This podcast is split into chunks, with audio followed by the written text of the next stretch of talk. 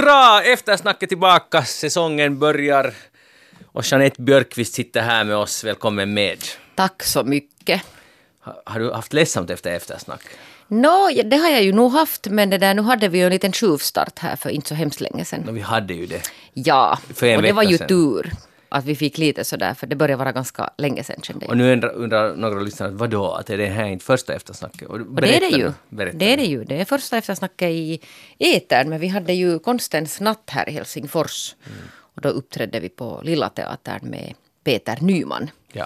Och där var salen full, det var mycket trevligt. Tack till alla som var där. Det var superroligt faktiskt. Pia-Maria Lehtola är med idag i Eftersnacks säsongsöppning. Välkommen med. Tack så mycket. Hur står det till? Jag tycker det känns inte alls som, som det skulle vara länge sedan. Nej. Jag tyckte det var helt nyligen som vi, vi, vi hade vår lilla midsommarseans här. Ja, det var ack så roligt den också. Det är konstigt hur tiden nog lite flyter ihop. Alltså, ja, jag tycker det. Har du någon förklaring till det? no, no, det är ju det att vad heter det, vi är ju som barn att nu när vi ser varandra så då glömmer vi ju bort den där tiden som fanns här emellan. Är det det? Vi ses så Ja. sällan ändå. Är det det som Mm. händer på klassträffar också? Ja, det, det, det, är liksom man, det är hjärnan på något sätt som blir lurad att, att nej men det här är ju som förr, här är samma ansikte. Ehm, och så glömmer man bort det där som var däremellan. Ja, det på klassträffar är ju nu för tiden ganska trevliga, har jag upplevt. Att folk är sig själva och man behöver inte leka att man är något annat. Men man haft- går inte tillbaka i de här rollerna. Jag som- tycker inte det eller inte i alla fall på de jag har varit på. Det var väldigt roligt. Jag går gärna på klassträffar. Faktiskt. Eh, just för att människor är mycket avslappnade nu. Men sen är problemet ju att det är många som inte kommer. Och då kan man spekulera att okej, kommer man inte för att man, man har obehag för klassen eller för minnena eller annars bara vill inte komma. Så det är ju synd förstås. Men det måste man ju respektera. Men det var inte det vi skulle tala om. Vi skulle tala om eftersnack. Eller, Och vem är du? Om, om vem jag är och veckan som gått. Jag heter Magnus Lundén. Eftersnack är alltså tillbaka. Vi ska tala om veckan som gått. En härlig säsong börjar med livesändningar varje fredag om veckan som gått och vi kommer också vara på Bokmässan i oktober live där i Helsingfors. Och sen kommer vi vara på Lilla Teatern eh, på mellandagarna. Det blir ungefär 27 december tror jag. Men det är långt tills dess. Istället ska vi ta veckan som gått. Pia-Maria, idag har det regnat mycket. I Helsingfors i alla fall. Jo, jo. Hur, har du upplevt något, fått några regndroppar på kroppen? Alltså jag, jag vaknade ju redan på, på morgonnatten till, till det här eh, meditativa regnsmattret mot fönstret. Och, och jag tycker ju om regn. Jag älskar jag är lite så här på det sättet brittisk att jag tycker om så lite dimmiga, regniga dagar. Att Det är så här en viss nostalgisk, melankolisk känsla i den där, det där fuktet. Man kan lite gömma sig in, in, i- in i det där regnvädret. Um, sen skulle jag gå på en, en, ett presstillfälle klockan nio till Mannerheimvägen här, på Helsing, här i centrala Helsingfors mittemot Stockman. Och, och då var det ju enorma vattenpölar klockan nio. Alltså det var ju helt så att jag med mina ljusröda mockasiner så jag var ju helt, och- de var ju som små båtar i, i de där vattenpölarna. Du Men det gör inte på att ha ingenting. stövlar? Eh, Den här tillställningen, det, det passar inte riktigt att, att komma med ljusgråa brittiska stövlar. Det stod att man ska ha mockasiner på. Man kan Nå, ju du, om man byta har en kjol eller en klänning så man kan inte riktigt börja. Ah, Men ja. man kan väl röra för förflytta sig med gummistövlar Jo, men jag, jo, jag, jag är så opraktisk människa att jag tycker aldrig om det där att man har något bytesskor. Utan det är ett par skor som gäller hela dagen. Är det sant? Jo, ja, jo. Förut hade de ju galoscher. Det är ju e- No, egentligen inte så dålig uppfinning. no, no, jag, jag tycker, speciellt på män tycker jag det är väldigt attraktivt med galoscher. Jag, så- Attraktivt? Jag, jo, jag såg faktiskt idag, där, där i Kronohagen, där, där vid spårvagnshållplatsen, så såg jag en, en mm, typ 35-årig man som, som var så stiligt klädd just med, med, med galoscher och, och, och lite så här militärgrön regnrock. Och, jag fick riktigt en sån intressant känsla. Att Ja, hurdan, jag menar, hurdan känsla fick du? No, det här är nog, nog, vad, vad är det för en intressant människa det här hör du? Att han har riktigt njutit nu att han har fått uh, klä upp sig i den här stiliga brittiska munderingen här idag. jag, blir lite nyfiken. Alltså till exempel om, äh, tycker du generellt sett att män i galoscher se- ser intressanta ut? Jo, för du, jag lever ju i gamla tider, Ja. så det är ju lite 1800-tal över det hela. Precis. Och förr i tiden faktiskt så tillverkades ju sådana i Finland också, om man kunde köpa dem i Finland. Men att sen, eh, och det är faktiskt, av en, av en äldre kvinna berättat mig att det är slut nu för tiden i Finland. Att, att man måste beställa dem utomlands ifrån. Det här behöver vi nu lyssnarnas hjälp till. Äh, Ja. E-posta oss på eftersnacksnabelayle.fi. Var köper ni era galoscher? Och stämmer det att män blir intressanta iklädda galoscher? No, jag tycker det är sådär, man, man tänker att den här mannen måste ju vara en väldigt omsorgsfull person. Och, och han tar vara, Ja. vara på sina fina ledarskor där under och, och så här. Så det, det är ju nog en, en, en människa som har tid till eftertanke. Just det, jag tänker nog, jag tänker börja köpa nu galoscher och Mm. Gå med det. Om man sådär lätt får billiga bra. poäng. liksom. Absolut, och lite rakvatten sen och en skarf så där är det. Tre saker saknas alltså hos Ja. mig nu. Det är rakvattnet, galoschen Ja. och vad var det? Skarfen. En skarf. Och, och ingen av de här sakerna brukar jag använda. Ja. Alltså det är, Ännu. där ser man varför det inte alltid Men går så men Du har bra. ju lite de här scoutgenerna. Det har jag. Så Ja. skarfen hör ju till det också. Jo, men nu måste Mm. du där precisera att det ska kanske inte vara en scoutskarf utan det ska vara lite Det ska nog vara mera... kanske från Lionens sida en skarf. Men det finns inget sånt som en scoutskarf. Det finns en scouthalsduk. Ja, men alltså sån här... Nåja, men Jeanette, var du ute i regnet också idag? Nu hörde jag var ju faktiskt därför jag förde mitt barn till skolan och hon skulle ha skolfotografering och det var mycket noggrant det här med frisyren i Oj, morse. och just det här vädret. Och sen var det alltså det, jag vet inte sen hur det gick med den där frisyren men det där, hon var nu intäckt med paraply och luvor och allt möjligt. Det är, livet är hårt i storstan. Nå inte vet jag, nå det var så hårt men det där, men, men jag började lite sådär nästan småle när du talade Pia-Maria om att det här gömma sig i fukt eller vad talar du för det, det var ju lite mera än så nog i morse. Nostalgisk fukt. Och det där, och Det man kan ja. gå in på kvällstidningarnas sidor och titta på hur det alltså börjar spruta ut alltså sådana här fontäner ur vissa gatubrunnar och sånt här. Att jag vet inte riktigt vad det är som har hänt men det var ju alltså ganska katastrofalt och sen har metron tydligen stått för att det har varit översvämningar i metrostationerna. Och sen, ja, och sen utanför varuhu, det stora varuhuset, så det här var intressant för att det börjar komma eld. De har något intressanta utelampor och därifrån liksom störtade sen vatten plötsligt från de här lamporna och så kom det eld. Jag, jag förstår inte vad som hände. Kom det eld? Jo, jo, alltså det var en man riktigt som, som blev chockad där. Ja, Antagligen. något, något märkligt hände. Men det var, alltså, det var faktiskt ganska mycket i morse. Men alltså det är ganska intressant ändå hur, eh, hur, vi, hur har vi det med dräneringen? Liksom det blir så här kaos och inte var det nu så länge som det störtregnade. Det det kom ju mycket timmar. vatten. Ja, det, blev, det var ändå några Det timmar. var alltså så pass mycket att det, där, det var nära att de skulle ha gått ut med en sån här varning alltså. Så helt sådär på snäppet alltså. Annat i hurravarning, hurravarning. Någon sån här alltså, minns inte vad det hette, det har någon meteorologisk term där. Ah. Men på eh, Eftersnacks Facebook-sida har det någon skickat in bild på hur det ser ut i Bromar just nu. Och det såg mycket lugnt och trevligt ut. Och sen eh, var det, hade någon skrivit från Hangö där solen skiner. Så Pia-Maria, är du på väg till Hangö nu idag? Nej, tyvärr faktiskt inte. inte det, Det här ska löna slutet. Jag vet. Hangö har allt. Hej, men nu, eh, vi ska tala om mera allvarliga ting. Amazonas brinner. Det här har varit mycket snack om det. Man kan ju förstås förundra sig över hur länge det tar innan det blir en grej om det. Nu har det väl... Förstås är det alltid skogsbränder på gång, eh, så gott som alltid i alla fall. Eh, men nu har det då... Enligt några beräkningar så var det 72 000 bränder har härjat redan det här året, vilket är en stor ökning jämfört med i fjol. Och det finns mycket sån här statistik och då brukar ju då Brasiliens president eh, reagera genom att helt enkelt ge kicken av den som kommer fram med sådana här fakta. Men nu har då EU också vaknat, också Antirinne har vaknat, många har vaknat och nu ska det göras någonting. Har ni kollat på de här bilderna? Ja. det ser ut där? Det är helt fruktansvärt alltså. Ja. Men det är det som är så svårt, att man blir ju helt chockad när man ser på det. Men igen skulle det vara bra med lite perspektiv, att är det här är det här superovanligt? Är det här extra, extra? För det, den bilden får man ju nu när alla reagerar. Men det kan också vara att det är en, en vad ska vi säga, att det blir en sån massrörelse, nu ska alla oroa sig för det här. Förstår ni? Det som jag skulle vilja ha ännu mer fakta. Men, Jo, men jag tycker definitivt att oberoende så ska vi vara jätteoroliga över det här. Att om det är så att det, att det inte är någon sån här undantagstillstånd att, att det brinner hela tiden, vilket det säkert gör. Jag vet inte om det är liksom i den här omfattningen. Men då ska vi vara alltså gruvligt oroade över det, att det pågår Ja. sådär till Och det, är ju en, vardags. det är ju en ökning alltså med, med var det inte 70-80 procent Ja. från, från några år tillbaka. Så att på det sättet, det är ju en sanning. Det är ju en sanning, fast jag vet som journalister så börjar vi alltid att tänka på källkritik och, och, och, och vår tid och så här, att, att överdriver vi. Men Frankrikes president Macron tar ju också upp det här nu på mötet i helgen och, och, och han var, och twittrade om det igår kväll och var orolig. Och, och, och jag skulle säga att det som berörde mig mest var när min dotter som är 19 år, när hon skrev på WhatsApp i veckan åt mig att, att mamma, världen är galen, Amazonerna brinner. Och, och, och då tänker jag igen på det här hur, hur det är ju som sagt världens lungor finns där. Det, det här uttrycket används ju. Ja. Det är ju symboliskt också alltså. Vi, vi lever ju nu redan i en fruktansvärd tid med, med klimatångest och, och framförallt unga människor som har hela livet framför sig. Så de, de bär ju det på sina axlar och, och mår väldigt psykiskt illa och får klaustrofobiska reaktioner av all, all den här infon som kommer. Och vi kan ju inte hålla heller dem bakom något, något, något rosenskimrande skynken heller men men, men men här är, ju alltså, här är ju alltså nu det här läget att de borde ju alltså hindras. Nu är det väl det att han tar inte de här på allvar och han nollar och han liksom söker, den här presidenten söker skyldiga. Att vem är att det är någon miljöaktivister som har tänkt på de här, att, att det rullar på helt fel spår det här. No, att Bolsonaro det som borde sa hända så nu, igår, ja. Att Ja. agera och försök släcka de här. Just det. Men alltså, att Och sen släcka kan man liksom- stora skogsbränder Nej, alltså det, nej, men alltså helt säkert skulle det finnas internationell alltså hjälp. Att, Internationell hjälp kommer att säkert skickas dit snart med våld om det inte slutar. Mm. Men sen om man tänker på orsakerna, att åtminstone ganska många av de där, någon har tänt på dem med flit.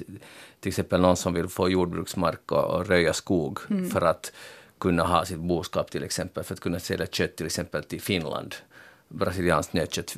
Och jag har alltid funderat på varför finns det här köttet överhuvudtaget i salu? Det är säkert jättegott och bra och så vidare, men det är förvånansvärt billigt om man tänker mot kvali- kvaliteten. Och ändå, alltså, det, blir, det finns ju en efterfrågan på det här. Och han har, det är ju fortfarande förbjudet att tända på skog, men han har, Bolsonaros regim är inte så stränga med det, verkar det. Att det är liksom det man ser mellan fingrarna, för det är ändå, business är viktigare. Och, och där kommer vi ju in i en sån ganska jobbig spiral. För att det finns efterfrågan på de produkterna, och de måste tjäna sitt levebröd, de som är där. Okej, hej, vi bränner ner Amazonas, för kortsiktigt så, riktigt kortsiktigt är det det ekonomiskt eh, smarta så att säga göra. Och jag sa inte att det är smart, jag sa bara att det kan kännas smart där. Så till exempel, no, Jeanette är en vegetarian, är kött, köper inte kött från Brasilien, men Pia-Marie, hur är det i er familj? Eh, Vi äter inte heller kött, vi äter bara fisk och främst vegetariskt. Men jag måste ju säga här att det är ju, det är ju den kinesiska marknaden som faktiskt är jättehet på det här, det här köttet just nu som produceras där. Vi, vi köper inte så mycket kött från Brasilien, nötkött. Men sen är det ju också sojan som odlas där som används som foder för, för till exempel boskap. Men allting, är, ganska mycket hänger ihop. Att, att det här är bara ett symptom. Men det, på det sättet skulle det vara väldigt bra om man ska få upp ögonen för det här. Men det är ju det värsta när vi har fakta. Ja. Och liksom handling och vi kan ju inte vänta så hemskt länge mera. Men den här alltså diskussionen om det här köttet har ju pågått också tidigare. Att hur ekologiskt har det varit alltså det här att man flyger in alltså sånt här kött till exempel till Europa? Eller Jag tror inte man flyger. wherever. Nå, inte Det- vet jag, nå, det blir för tror- dyrt. Men Med- hur, med båt. No, med båt. No, hur som, alltså men det här liksom hela den här ekologiska alltså tanken i det här att, att man det där importerar sådana som lär vara, jag vet ju inte, men lär vara alltså faktiskt ganska billigt och säkert därför också intressant. Men jag hörde att, att det där, här var just en kollega som ondgjorde sig innan vi gick in i studion att han hade ätit idag i ett på en restaurang här alldeles i närheten av detta nationella rundradiobolag och, och där blev vi serverade alltså uruguayskt kött. Så, så det är ju liksom nog någonting som, som köttätare, inte bara i det här landet. Det har, nu har det ju talats om att man borde sätta sån här importstopp på det här, bojkotta alltså det här och det tycker jag ju att man skulle kunna göra helt av många orsaker. Men det är ju vansinne att konsumenter går med på det, köper sånt här. Och det, i, redan också utan den här bilden på brinnande Amazonas så borde det vara slut på det där. Och det är det som är frustrerande tycker jag, att det går så långsamt. Och det är så trögt och man vill ändå, ändå finns det köttet i butiken, det går åt, det finns där och det går åt. Det skulle inte finnas där annars. Det finns någon som shoppar allt det här. Uh, fakta, när du efterlyste fakta Pia-Maria, så nu är det ju klart att det här, jo, det här var det hetaste eh, temperaturen på jorden sen under 140 år som man mätt. Juli alltså. Månad, juli månad var det hetaste på 140 år. Och nio av de tioste het, heta julimånaderna har alla inträffat efter 2005, nio av tio. Så det bör, fakta finns ju nog på att det håller på att bli varmare, så det behöver vi inte diskutera. Men det som har varit mycket snack om nu, Greta Thunberg, eh, är hon nu 16 eller 17, aha, är på väg till FN på möte i både New York och sen i Chile och hon har väl kommit lite över halvvägs. Hon seglar över med en specialbåt som är startar i Plymouth och ska segla, ja, båten heter Malizia 2 som drivs delvis med solpaneler och så vidare. Um, och som då är en klimatsmart båt. Nu har hon fått utstå mycket spott och spe av, speciellt av män, äh, äldre män, som tycker att nå, det är hyckleri det här för att de när de ska få båten tillbaka så flyger någon till New York och, och det blir mera utsett på det sättet av hennes resa. Har ni någon kommentar till det här? Jag tycker att det där det är helt häpnadsväckande hur man kan alltså det där snedvrida en debatt, alltså få det att handla, alltså att, att, att hur mycket av den här debatten som handlar om, om Greta Thunberg. Att tänk om alla de som håller på och hetsar och engagerar sig och vill diskutera alltså henne som person. Hon är trots allt alltså ett, fortfarande alltså inte myndigt. En inte myndig flicka som i mina ögon nu framstår som ganska, eller inte så ganska heller, utan väldigt klok och medveten. Och det där på något sätt sån här, vet ni, hon kompromissar inte och hon, hon står fast vid sin linje. Och hur hon kan provocera alltså vuxna människor så mycket. Att man helt glömmer bort att vad är det hon, alltså, vad är det hon står för. Tänk om all den här energin och det här engagemanget skulle sätta sig att diskutera den sak som hon försöker mm. alltså föra fram. Det är helt alltså otroligt. Men det är det dåliga samvetet som väcks i de här jo, Man blir provocerad. Ja, och, och då, då liksom smärtar det och då, då vill man få bort smärtan och så gör man slapstick av det. Ja, men det är fruktansvärt. Men tänk alltså henne alltså på riktigt. Nu verkar hon ju faktiskt vara en jättestark mm. flicka mm. med mycket vettiga föräldrar mm. och ett, ett bra nätverk alltså omkring sig.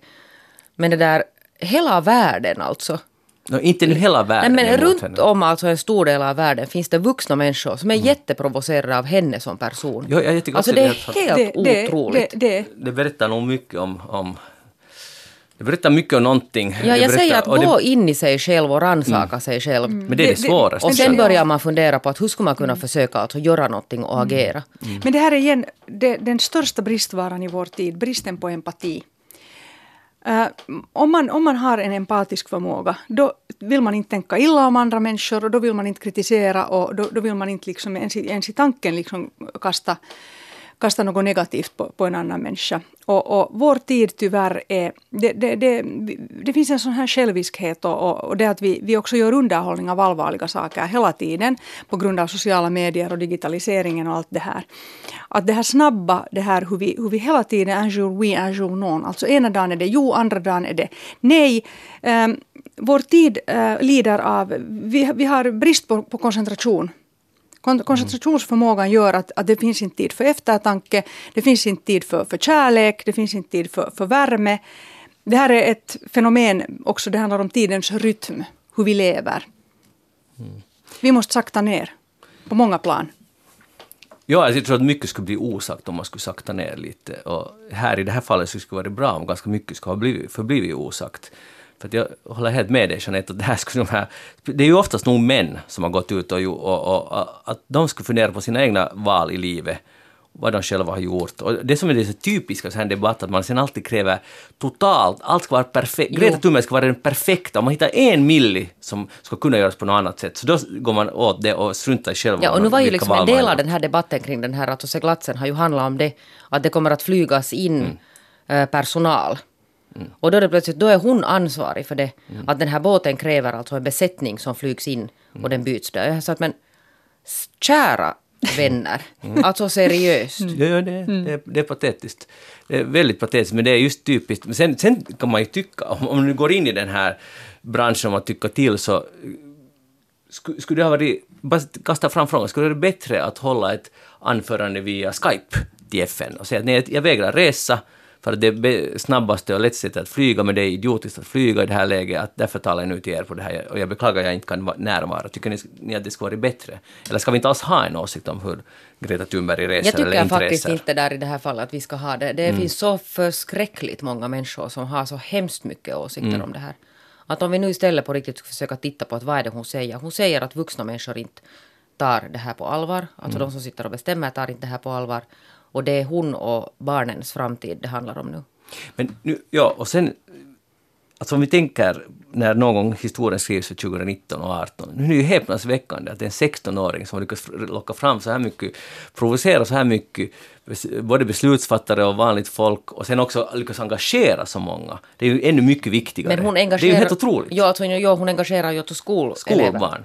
Ja. Men sen engagerar hon ju en massa vuxna som engagerar sig alltså på fel sätt här. Mm. Men hon är liksom vårt, det här, ska vi säga, den här, det, det, här det goda. Hon är ljuset. Hon blir nästan som ett, också som ett helgon. Jag menar inte liksom... Men hon är inte ett helgon, liksom, det är det som är problemet. Nej, nej, men jag menar att hon, hon liksom hon framkallar allt det där liksom, de här männen till exempel som, som provocer, blir provocerade av henne, så det är ju deras eget samvete. Och sen är de också avundsjuka för att hon har en sån härlig energi. Hon är ju jättehandlingskraftig och hon är ju mo, modig och hon får uppmärksamhet. Mm. Men sen det, är det, det också det. att det, där, det, det är ju faktiskt alltså det där säkert mera, mera sådana män som, som blir provocerade, men de blir ju kvinnor också. Sen, sen är de till exempel så är någonstans någon är nu jätteorolig över att hon fortfarande inte har en yrkesexamen. Och de har sagt, men vänta nu, att hon är liksom 16, hon har just fyllt 17 kanske, jag är inte riktigt säker nu. Men, Men tänk att folk har så mycket åsikter om en sån här Ja, sak. och sen är det den här också, alltså andra sådana här som kommer fram med det här att ja men den där ungdomen att inte vill de ju sen ändå avstå sina, att nu vill de ju sen ändå ha sina telefoner och sånt här. Så att man, att, att det är igen och så är det liksom på något sätt Greta Thunbergs fel att, att ungdomar ändå liksom vill konsumera. Men så att, herregud sluta nu, snälla människor alltså. Nå, det blir spännande att se vad hon, vad, vad hon har att säga i FN. Eh, det kommer säkert bli en ganska kraftigt bevakad, uh, jag tänkte säga show, men det blir det kanske inte, men tal. Det blir intressant på riktigt. Och tänk också, det är ganska historiskt, en 16-åring ställer sig upp där och säger att så här är det. Jag tycker det är helt fantastiskt setup. Det är ju helt eh, otroligt fint. Uh, Hej, den här veckan har vi också njutit av USAs president Donald Trump. Jag måste få tala om honom nu när han då vill då, ville då köpa Grönland, Pia-Maria. Jag tänkte att du är perfekt person att analysera. Vad var det egentligen som hände här? Känner du till det här Jag, fallet? jag känner nog till det och jag är ju mest glad över den här underbara bilden av, av eh, Danmarks drottning Margareta som håller den här lilla skrikande arga eh, trumpen som en baby där i sin famn. Jag tycker att det var ju liksom veckans trevligaste bild. Men jag är så trött på honom. Alltså jag, jag, jag orkar inte ens bli arg mera. Jag orkar inte ens läsa och engagera mig i hans åtagande. Jag vill inte ge min energi åt honom. Egentligen bara ignorerar jag honom. Det- det- jag orkar sund- inte med honom mera. Sund inställning, Pia-Maria. Jo. Men, men det är problematiskt för att han är USAs president. Nu hör du ju, som tur bor jag inte där.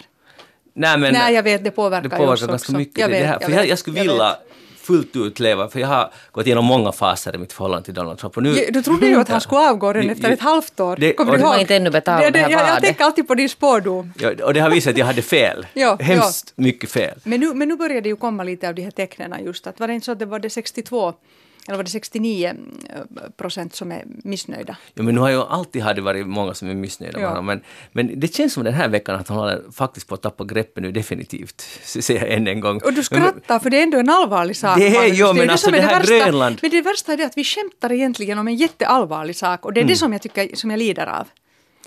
Men vad ska man Mm. göra om, om, en, alltså, om, vi tänker så vi, har- ingen hade kunnat föreställa sig det här tidigare, för bara några år sedan, att en USAs president det läcker ut att han skulle vilja shoppa på Grönland och så säger, försöker Danmarks ledning och Grönlands ledning sätta lite liksom, ta distans från det här, det här är en absurd tanke, ska vi kunna diskutera riktiga frågor? Mm. ja. Och ordet absurd fick Trump att tycka att hon är så nasty, den här, eh, som han alltid säger om kvinnor som är jobbiga, eh, mot, enligt honom, och, och, och ställer in ett statsbesök. Det var väl inte ett officiellt statsbesök, men i alla fall ett besök hos drottningen och så vidare. Men det är Peter Pan-mannen, alltså mannen som aldrig blev vuxen. En exakt! Det är ju det. Men, men att nu är det blottat, så, det har ju varit blottat länge, men nu så otroligt uppenbart för alla Men nu är att se. nära, ser du. Och Republikanerna Mm. till exempel, där, det, han har ju ändå ett, ändå ett brett stöd i egna partiet. Att de inte kan se att herregud, vi har att göra med en liten pojke. Alltså, Jag tror- jag tror- och barn, inte ja. barn beter sig så här, Men spådomen, din spådom går nog i kraft här kanske före jul, hör du. tror du. Jag hoppas det. Det är ju det att han har ganska mycket makt. Att, att, Ja, han har nog cirkulerat genom en massa stormar och ändå har ingenting riktigt hänt där.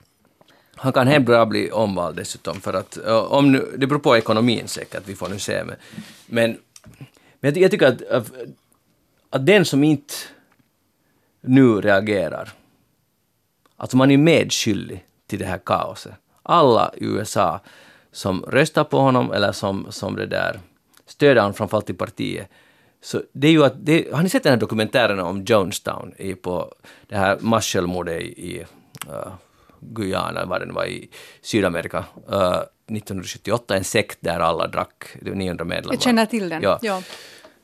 Ja, och där, där är det just det att, att man går först in i en sekt, helt klassisk sekt och allt känns jättebra och det raserna är jämlika, alla är jämlika och man, män och kvinnor är jämlika och alla är jämlika och det är bra feeling och sen slirar det ganska ordentligt och så slutar de med att alla ska begå självmord. Och alla gör det, i praktiken alla, över 900 människor. Men när man ser på den här dokumentären som finns på arenan så det är alldeles otroligt skrämmande att förstå när man ser hur människor går med på att ta sitt liv för att ledaren säger att nu ska vi göra det. Vi ska begå ett revolutionärt självmord. If we can't live in peace, we have to die in peace. Och sen äter man cyanid och lider en stund och sen dör man och man mördar sina barn. Och det är det här med att man är medskyldig. Att, att, ingen, att ingen säger att hej, vad håller vi på med? Att man människor slutar tänka och det är det som också händer tycker jag i USA och säkert också i Ryssland och vad som helst. Folk blint slutar att funka själv. Ja, men det är kanske inte ens riktigt så enkelt där i det fallet för att det, det kan ju också vara det att nu bor vi ju inte i USA, vi är inte amerikaner. Mm.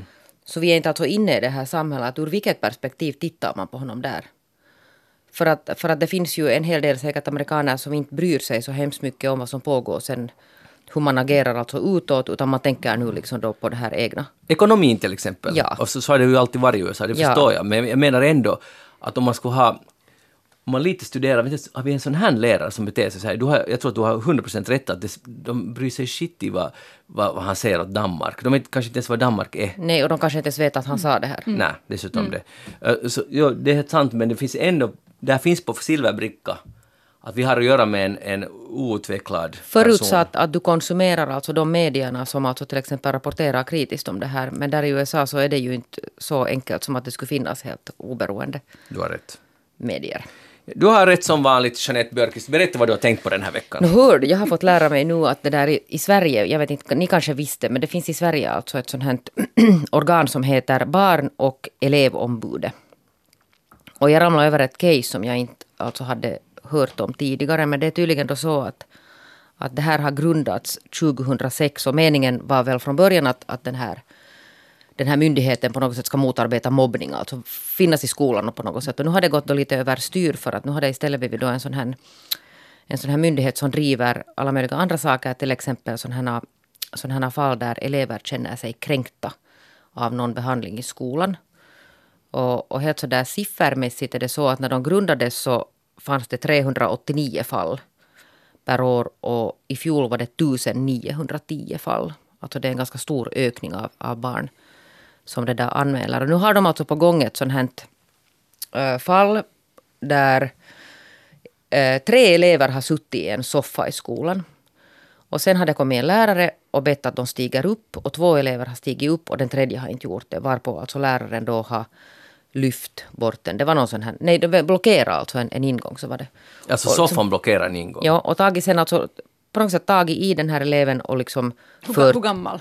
Elev? inte vet jag, fört bort den här eleven. Ja. Så där som man nu tänker då att, att, att det på något sätt ingår i, i lärarens uppgift. Nej, men nu har den här eleven då känt sig jättekränkt. Eh, och orsaken till kränktheten är då det att det, det var en elev med specialbehov, vilket inte den här läraren kände till. Så det var man nu försöker nu. Det här alltså fallet har gått då först via tingsrätten, sen till högre instans och där har läraren och kommunen alltså blivit friade. Men nu försöker den här barn och elevombudet föra det till högsta domstol som ska ta ställning till den här kränktheten. Och det, det har tydligen förekommit en hel del andra sådana motsvarande där alltså man driver sådana här kränkthetsfrågor av olika slag till tingsrätten. Och jag tänker ju genast på sådana här USA-fall.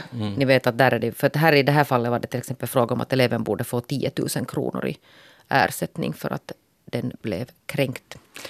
Och de har haft något här annat också fall där, där eleven skulle få 5 000 kronor för att den var kränkt. Eh, Jeanette, blev eleven skadad på något Nej, sätt? nej inte alls. Men har det någon sån, när du talar om specialbehov, som gör att, att, att man rör den barnet så blir det, Ja, det var är någon det illa? här, man skulle alltså uh, ha sådana här lågintensiva åtgärder, vilket säkert då betyder att man behöver ta det försiktigt. Man kan inte ta i och flytta på det. Nej, just det. Är Men det nu är det- föräldrarna eller eleven som driver det här fallet? det är Nej, ju- det är alltså den här ombudsmannen. Ja, men alltså förstås är det ju föräldrarna som har varit här. Och det är nu tydligen så här att, att lärare i Sverige har blivit jätterädda för de här, de här alltså anmälningarna. Det är ett, ett sånt här eskalerande problem i skolorna i Sverige. Att man inte alltså får sätta gränser för att, för att då finns det en risk att, att någon blir så kränkt att det blir alltså en rättsprocess. Och jag liksom på något sätt, jag bara känner så här att det här, det här är någonting som vi snart kommer att se av i det här landet också. Det brukar alltid vara så att det kommer så där piko hilja hit också. Samtidigt som jag tänker på det här med lärarbristen i Finland och hur svårt det är att vara lärare idag. För det finns ju en oro, en gränslöshet och på grund av alla de här just sociala medierna och telefonerna på, på Men sen skolgården. kringskärs alltså lärares möjligheter att ingripa. Att om det börjar bli så där att, liksom att, att det byggs alltså jättemycket och det är klart alltså att, att skolelever ska ha rättigheter, det liksom är vi säkert alla överens om. Men sen börjar man liksom titta att vems rättigheter går före vem. Det säger de här nu som kritiserar och säger att lägg ner det här barn och elevombudet i Sverige behövs inte någonting om, om det är sånt här man håller på med. För det finns också rättigheter för de som till exempel blir störda. Om vi nu inte talar bara om det här caset. Utan det där, de elever som skulle ha rätt till, till skolfrid. Som inte får det på grund av att någon annan mm. på något sätt är hemskt orolig och ingen kan ingripa för att det finns sådana. Det bisarra är ju att det finns ett sådant samhälle här i år 2019 där man har möjlighet att driva en sån här sak i högsta domstol. Att det, att det, att det inte finns en nämnd på lägre nivå. Hey, ska, vi, ska vi avgöra det här caset nu? Vi röstar. Okej, okay, det var inte kränktigt, men, men så ser man att läraren eller rektorn kan säga att kom ihåg att du måste läsa in dig på vilka elever som har specialbehov. Du måste lite funka på det här, men att nu är saken avgjord. Punkt. Jo.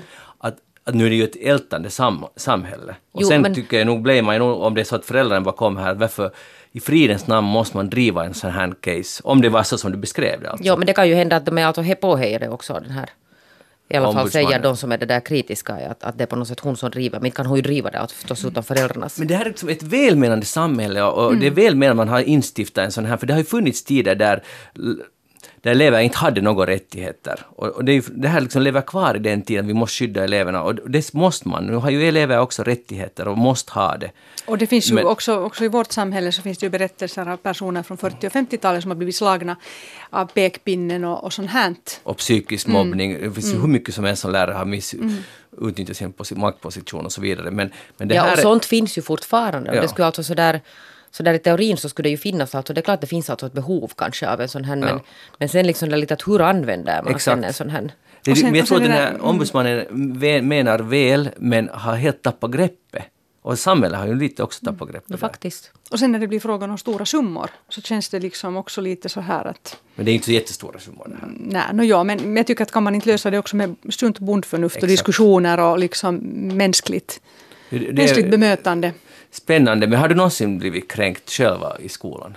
Nej, vet Eller det har jag säkert blivit, men jag, jag förstod inte. Du, du förstod inte på att du kan dra till högsta domstol? Nej, på den tiden förstod man inte att man ska bli kränkt. Alltså högsta domstol, vet du vad högsta domstol är? Alltså, jo, det är liksom de här riktigt stora prejudikaten. I know.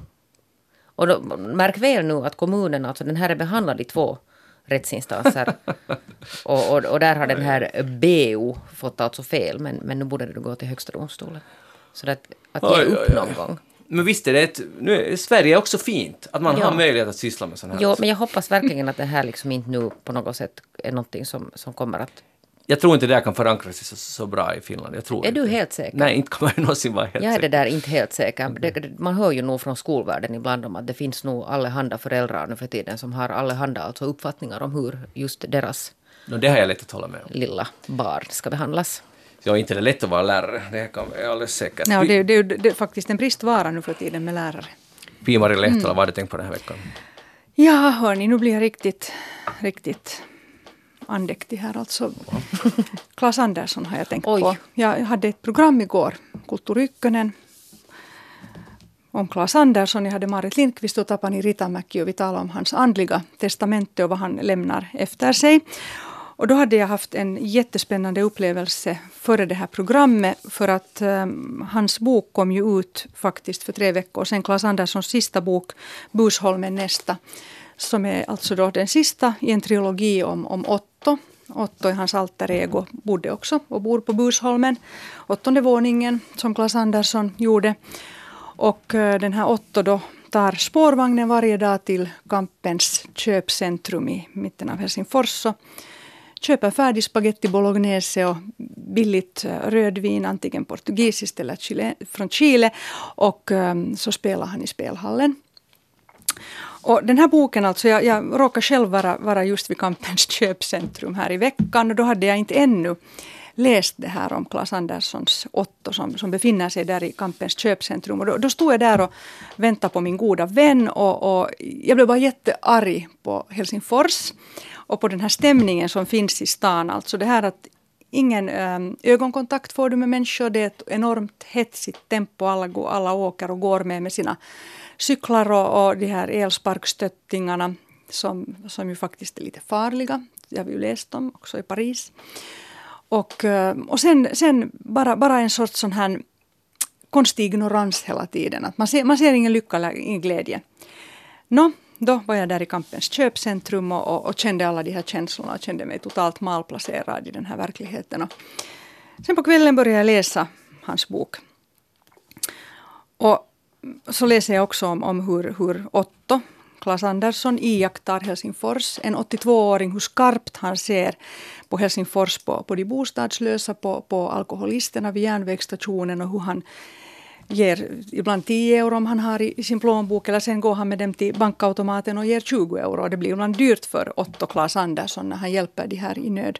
Och den här boken och den underbara Claes Andersson hjälpte mig att nu känna en helt ny värme och en ny förståelse för min hemstad. Och um, jag vill bara tacka, tacka honom för att om man känner sig ensam i Helsingfors så ska man verkligen ha Claes Andersson med sig. Han var ju en, en fantastisk person, psykiater också. Och det gjorde att han mm, kunde känna empati och förstå liksom mekanismerna bakom människor och människors svaga sidor och svårigheter. Att, att eh, en hemskt sällsynt person i Finland. I Finland lever vi ett liv där vi, vi är ganska kritiska och, och, och vi är ganska praktiska. Men vi glömmer ofta bort det här emotionella och empatiska. Och därför så känns det så sorgligt att Klas Andersson faktiskt idag blir han begraven. Så att frid över honom och, och tack för att jag en gång fick, fick se dig och, och fick, fick se din varma blick. För han såg ju alla andra människor. Han var ju en människa som, som såg andra. Så det här, var, det här var det jag ville tala om. Att vad, vad har Klas Andersson betytt för er? Och vilket är hans andliga testamente? Jag blev alldeles alltså det där, jag var alltså helt chockad när, när den här nyheten kom för att det där, vi visste ju alla att han var, att han hade varit krasslig ganska länge men han var ju ändå alltså sådär mitt uppe i livet och på något sätt jätteaktiv och, och höll på med den här alltså konsertserien med Julia Korkman och de hade ju nu alltså också då eh, uppmärksamma honom. och jag hade ju alltså under många år en sån här hobby att jag förföljde honom alltså i smyg på bokmässan. För att, för att jag då alltså har beundrat honom många, många år sådär på distans. Alltså, jag tycker han var alltså helt otroligt stor person, alltså i hela sin empatiska och på något sätt liksom mänskliga, Absolut. mänskliga det där form. Och så kom det sen för några år sen så kom det sen alltså en stund när min kompis var här så att nu får du väl sluta med det här liksom springande efter Klas Andersson. och så tog han i mig och så drog han mig fram. Alltså jag hade då som vanligt att jag köpte alltid om det fanns en ny bok så ville jag köpa den och sen gick jag med den här och ville liksom egentligen be om en signatur av honom. Och så drog han fram mig till Klas Andersson och jag tänkte att herregud, herregud, herregud, åh nej, att här är liksom nu min stora sån här, sån här idol. Och, och så vände sig Klas Andersson om och så vet han vem jag är. Och så skrev han några jättevackra ord i sin Oj. bok. Och så berättade jag om min hobby. Och sen efter det så var vi på något sätt så där kändes det som att, att vi blev väldigt nära. Så vi pratade ganska mycket och sen behövde jag aldrig mer förfölja honom. Och så träffade jag honom faktiskt på Slottsbalen här för några år sedan och, och, tyckte att det fanns ingen annan i hela världen jag ville ta en selfie med. För efter Snacks Facebook-sida så tog jag med honom. Och det är ett fint foto. Visst är det. Men jag var det där, jag tyckte att han var en sån människa att han borde aldrig ha fått dö.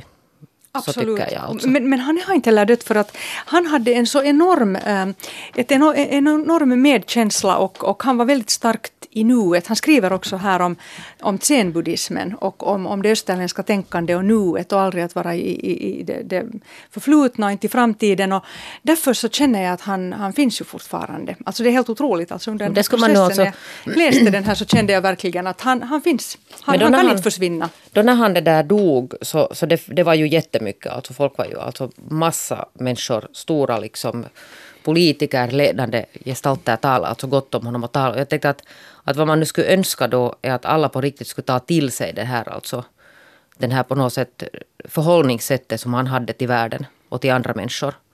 Så skulle vi komma ganska långt mm. på väg alltså. För att han var ju faktiskt alltså konsekvent i sin på något sätt respekt för människan. Och hon Också den lilla människan. Absolut, och han ville hjälpa människor. Alltså här, det, det är fantastiskt här i den här boken Busholmen nästa där han beskriver de, de här unga mentalvårdspatienterna på 60-talet och, och hur han försökte hjälpa dem. Och där var till exempel en, en flicka, en ung flicka som hade använt droger och, och hur han liksom såg hur hon blev bättre och hon började odla blommor i trädgården. Och, Sen blev hon förälskad och sen for hon på en resa men sen hade hon ändå tagit livet, livet av sig.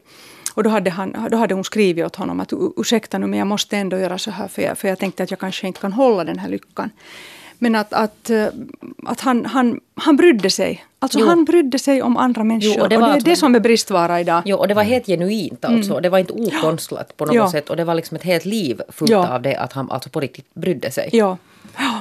Men nu när alla hyllar det och ni säger så här som ni gör, så tror ni att det kan, det, det var ni inne på, kan det inte bli kvar det som ett minne av honom? Att det är det som vi Ja, men kommer det ihåg? blir det ju Ja, kvar. absolut. Men alltså det Men Men där, du menar att det kan glömmas bort? Eller? Ja, eller jag tänker sådär att, att jag önskar att flera skulle på något sätt liksom på riktigt ta till sig det här vad han var. Men man kan inte kräva det av någon annan. Men kan man, Alltså, man, man kan kräva, men alltså i alla fall vet du, tänka till en stund att finns det någonting som man skulle... För jag tror inte att det finns alltså någon människa som är, som är oense om den här bedömningen. I alla fall inte. Alltså jag läste ju allt som alla sa om honom då. Jag menar inte att, att man inte kan kräva, jag menar att man kan bara ändra sig själv. Jo, det kan man Att också, kan, så är det. Att, att det är ju...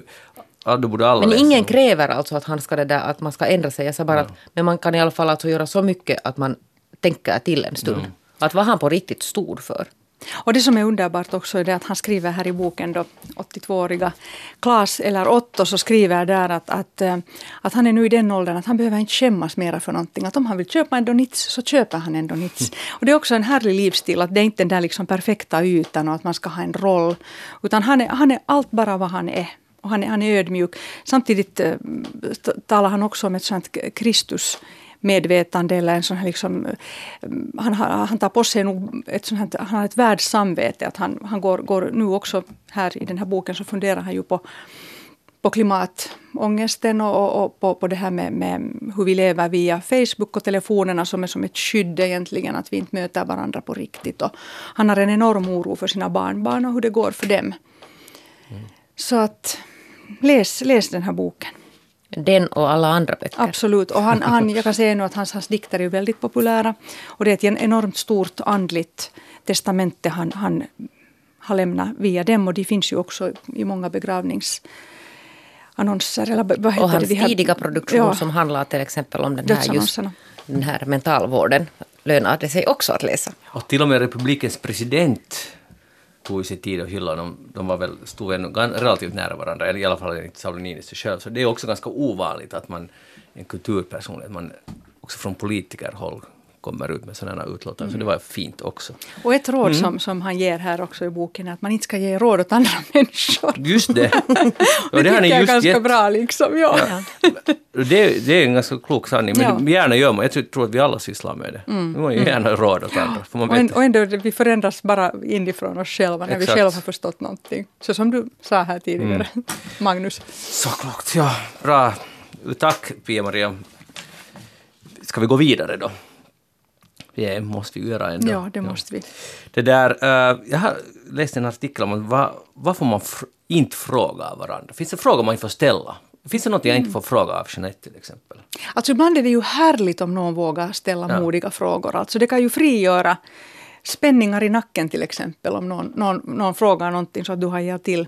Jag tycker man får fråga ganska Tycker privat. vad, egentligen vad som helst. Förstås inte något... Inte något, det, det, jag, jag, där är jag jättenoggrann. Man ska inte fråga vad, vad, vad man har för lön, Jaha. vad kostar din bostad, hur, hur stor hyra har du? Jag tycker sådana praktiska numerära frågor tycker jag inte om. Handlar det om det så får du nog fråga mig, inte kanske när mikrofonen är på, men om, om efteråt så får du nog fråga allt det där. Men tycker du det finns något som man inte får fråga? Eh, det är just det vi får diskutera, för Svenska Dagbladet har, har en sån här etikettsspalt då.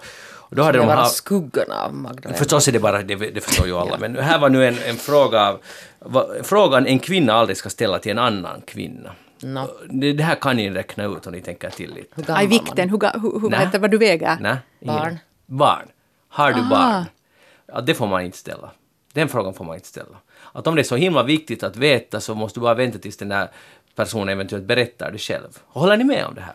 Alltså det där, jag, jag, det, jag, jag vet alltså vad det här, det här är alltså ute efter nu, den här ofrivillig barnlöshet antagligen, för att det kan vara väldigt kränkande. Alltså Eller vad som helst, det kan vara andra. Men ja. Jo, eller själv, jo, men jag, jag vet den här, för den diskussionen har alltså varit igång ganska länge och, och jag förstår alltså att det kan vara helt otroligt, alltså klavertramp. Det är lite som att säga åt fel person att, att är du gravid?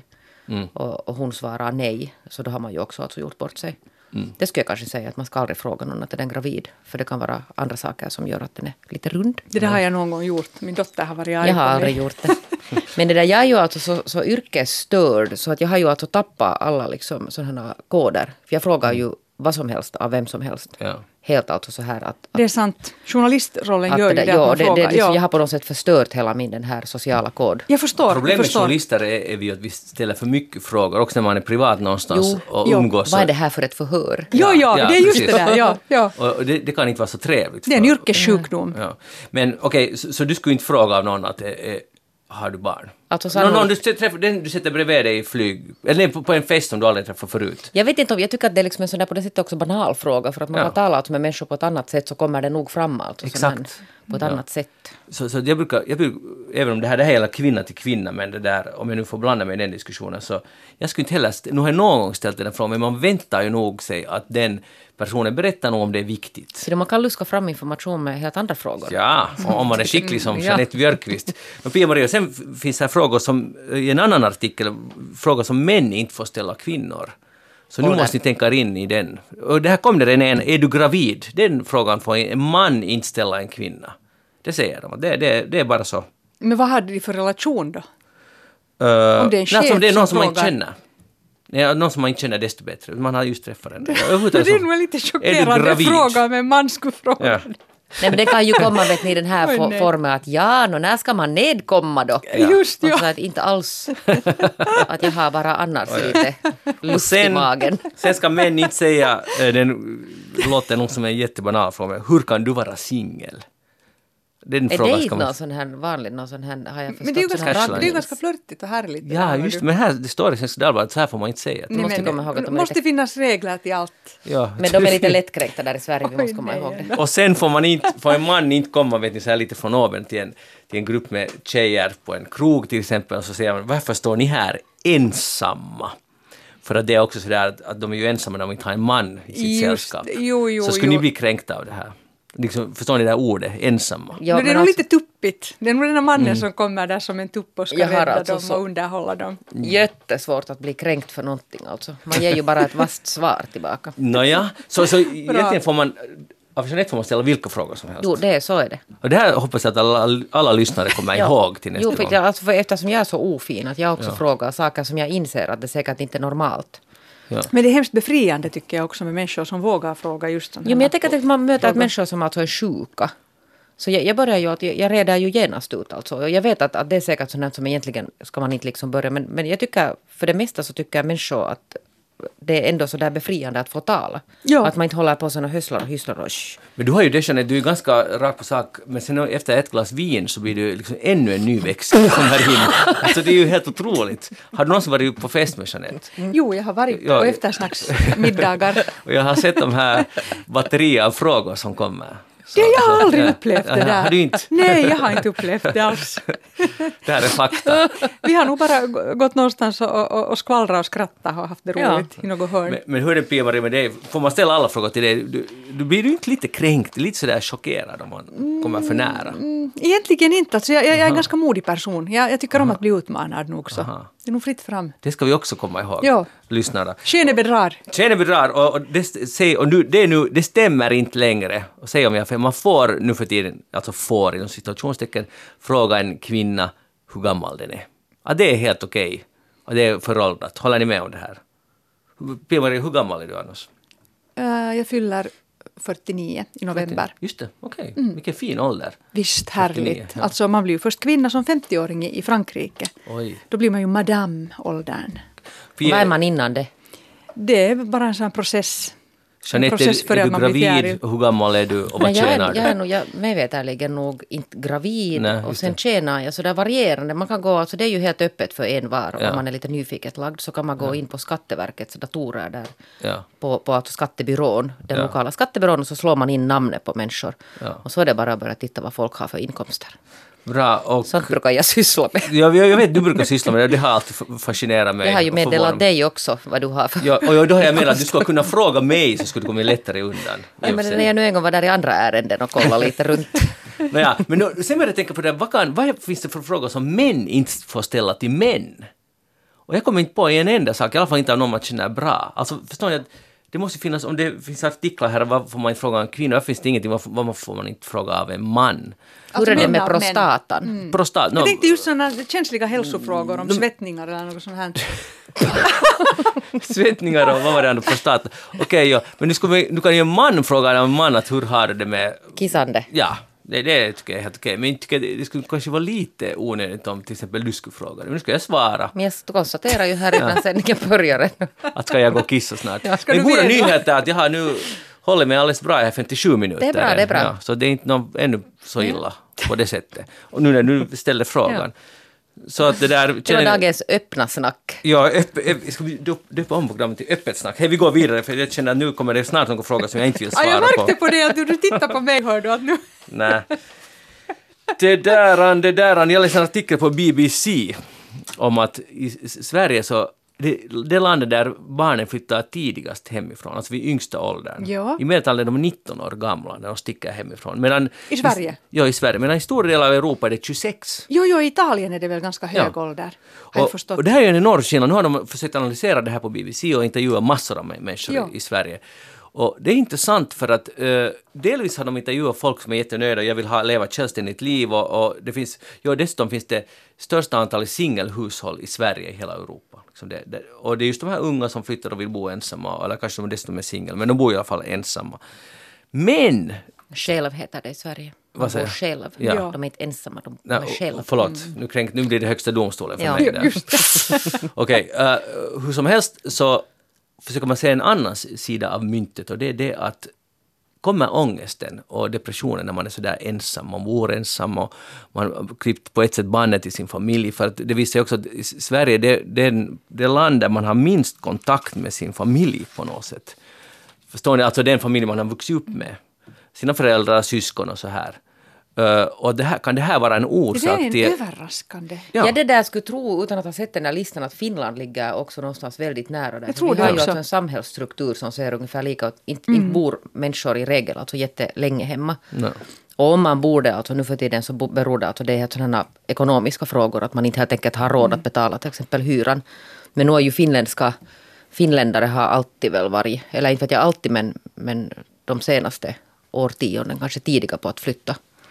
Och det där alltså... i Men, men det där att man bor själv, inte ensam. Så Mm. Förlåt, nu använder förlåt. för nu är det just det här att nu talar de ensam. Ja, ja, var- och så det blir det en sån här... Jag har alltså- redan bett om ursäkt det. Jo, men förstår ni att, att det där att, att sånt här antagande om att man är ensam för att man bor själv. Men, men det, vad lägger du in i ordet ensam? Jag lägger inte in något negativt. Man bor ensam, att det finns ingen annan person Nej, i men det alltså det här att, huset. att man är ensam och Ja, på något sätt har sak. liksom dålig kontakt med familj. Men jag menar, vi har också ett annat sätt att ha kontakt med familj, Mm. på gott och ont alltså. Kanske inte alltid på så gott, att vi har liksom på något sätt tappat de här generations... Mm. De här, men, men det där, eller bor liksom långt borta från familjen, men, men de flesta har väl någon slags... Att inte det är ju så där att man i Sverige flyttar och sen smäller man dörrarna och Men har ingen statistik, kontakt med... eh, en, vad den heter, centralen, jag vet inte om det heter så i Sverige, men de motsvarande instans. T- 2017 gjorde de en undersökning. 55 procent av 16 till 24-åringar uh, umgås inte med någon nära släkting. Alltså de har ingen umgänge på det sättet alls. Vilket, jag, Alltså inte sin familj, närfamilj, mamma, pappa. närfamilj, ja. Jag kan inte förstå hur det är Det, möjligt. det är så märkligt, för Sverige är ju ett väldigt liksom, positivt och glatt och, och ganska familjärt land. Alltså, jag tänker på Mm. deras midsommarfester och deras kafferep och, och alla världens Men de umgås söndagsmiddagar och De umgås med varandra dit på den där Whatsappen. på, på Snapchatten och de Snappen och här ja, fotona och dit bara hör du och så är man med i stunden.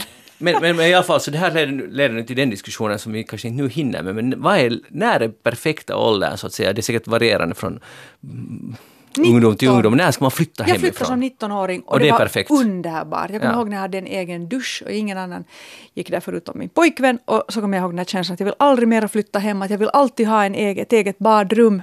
Punkt Mm. slut. Och det gick bra. Jag, jag, jag rekommenderar att där är att man ska flytta tidigt. alltså. Okej, då går vi vidare. Uh, Jeanette, brukar du använda cykelhjälm? Eh, teoretiskt nog ja. Kan du inte svara ja, ja nej? Nu försöker du undvika frågor. Det här var en svår fråga. Nej, jag svarar. Jag svarar. I teorin Det beror på jag. frisyren och dagen. Det är just den där frisyren. du. Är alltså Ser du, nej. vet du Magnus, om du tittar nu här på min den här lilla högen där bakom, så man får inte på alltså en cykelhjälm på det här. Så Du man har, måste så, du har liksom- sån, vad heter det, i ditt hår? så här en massa så här, så här, här knut, stor håret upp liksom allt knut. möjligt, liksom ett kaos här med spännen. Okej. Och det där och då, då blir det lite krångligt. Pia-Marie, brukar du använda cykelhjälm? No, jag måste säga faktiskt, jag har inte cyklat på länge. Jag har nog en cykel. Men, men, Du har en cykel? men jag älskar att promenera. Okej. För nu har de gjort undersökningar, ett universitet i Tyskland och ett i Kanada, har gjort så här samarbete. Och, och tänk på det här med cykelhjälm, och satt folk och spela hasard. Mest, ena gruppen har haft cykelhjälm på, alltså framför en datorskärm, de har inte, så inte cyklat, de bara haft cykelhjälmen på. Och andra har inte haft cykel, cykelhjälm på. Och de som har cykelhjälm på har fattat mycket djärvare beslut. Så nu kommer man fram till att det här, att den här känslan av säkerhet är inte bara när medan man cyklar. Chimären av säkerhet. Ja, ja, ja, Man känns- tror att man man tror att det, och det kan gälla också i annat, andra sammanhang än, än när man sitter på cykel. Samma säker, säkerhet att om man skulle sätta sig och sätta säkerhetsbälte på så kan man fatta alla, alla möjliga galna riskfyllda beslut. Men de talar ju om att bilarna är så väl utrustade och säkra nu för tiden att det är en orsak till att människor blir värre i trafiken. Jo, men, och, exakt, det, det kan jag förstå, men det skulle då också gälla om du tar bort, om man skulle sitta hemma med säkerhetsbälte på, skulle man fatta alla möjliga crazyga beslut, för man känner sig safe. Och det tycker jag är jätteintressant. Jag tror att det ska man säkert göra för att om man liksom går hem och spänner fast sig i ett säkerhetsbälte så då är allt inte helt som det ska vara. Nej, men jag fick, för ibland kan man ju tycka att varför jag, att jag borde vara lite, liksom, fatta lite mera Sätt cykelhjälmen på. Ja, man sätter både cykelhjälm och säkerhetsbälte på hemma, så då börjar man leva livet. Din fru Men- och men dina jag- barn kommer att uppskatta det här. Men jag har en bekant som gick och köpte ett, ett gammalt franskt hus. Bara, han, han beskyllde ett gott vin för det här beslutet. Ja. Vi drack gott rödvin från Frankrike och så köpte vi det där huset. Bra! Så där är också sen någonting. Där finns också, eh, ja. Daddy lite- goes wild. Cykelhjälmen, säkerhetsbälte och vinglas. Och Och så vinglas. blir du helt vild där hemma. Sen, det börjar nog hända grejer sen, man börjar spekulera. Och jag skulle lite, för jag tycker att vi alla lever, alltså de, flesta människor lever lite för tryggt och, och, och säkert Men dra nu inte för stora växlar på det där. Det kan hända att folk är djärva helt utan cykelhjälm också. Jo men ännu mera djärvhet. Nu behöver, det är vad samhället nu behöver, mera djärvhet. Snabba beslut. inte bland alla. Men också eftertanke, hej. och Att man är Ah, jo, lugn och Just ro. och Du sakta ner nu Magnus. Ja, jag tar bort du det där kommer in snabba i den där beslut. Duracell-åldern. Du, Okej, whatever, men inte kanske inte snabba beslut, men nya beslut. Tänka i nya banor. Och då behövs cykelhjälm. Jeanette Björkqvist, tack för att du var med idag. Och vi ska komma ihåg att ställa många frågor till Jeanette när ni träffar henne. Och Pia-Maria Lehtola, likaledes du, mera frågor till Pia-Maria Lehtola. Men jag behöver inte fråga så mycket mera, jag frågar er istället. Programmet alltså Eftersnack, vi är tillbaka om en vecka igen. Ha det så skönt tills dess. Ha det bra. Hej då.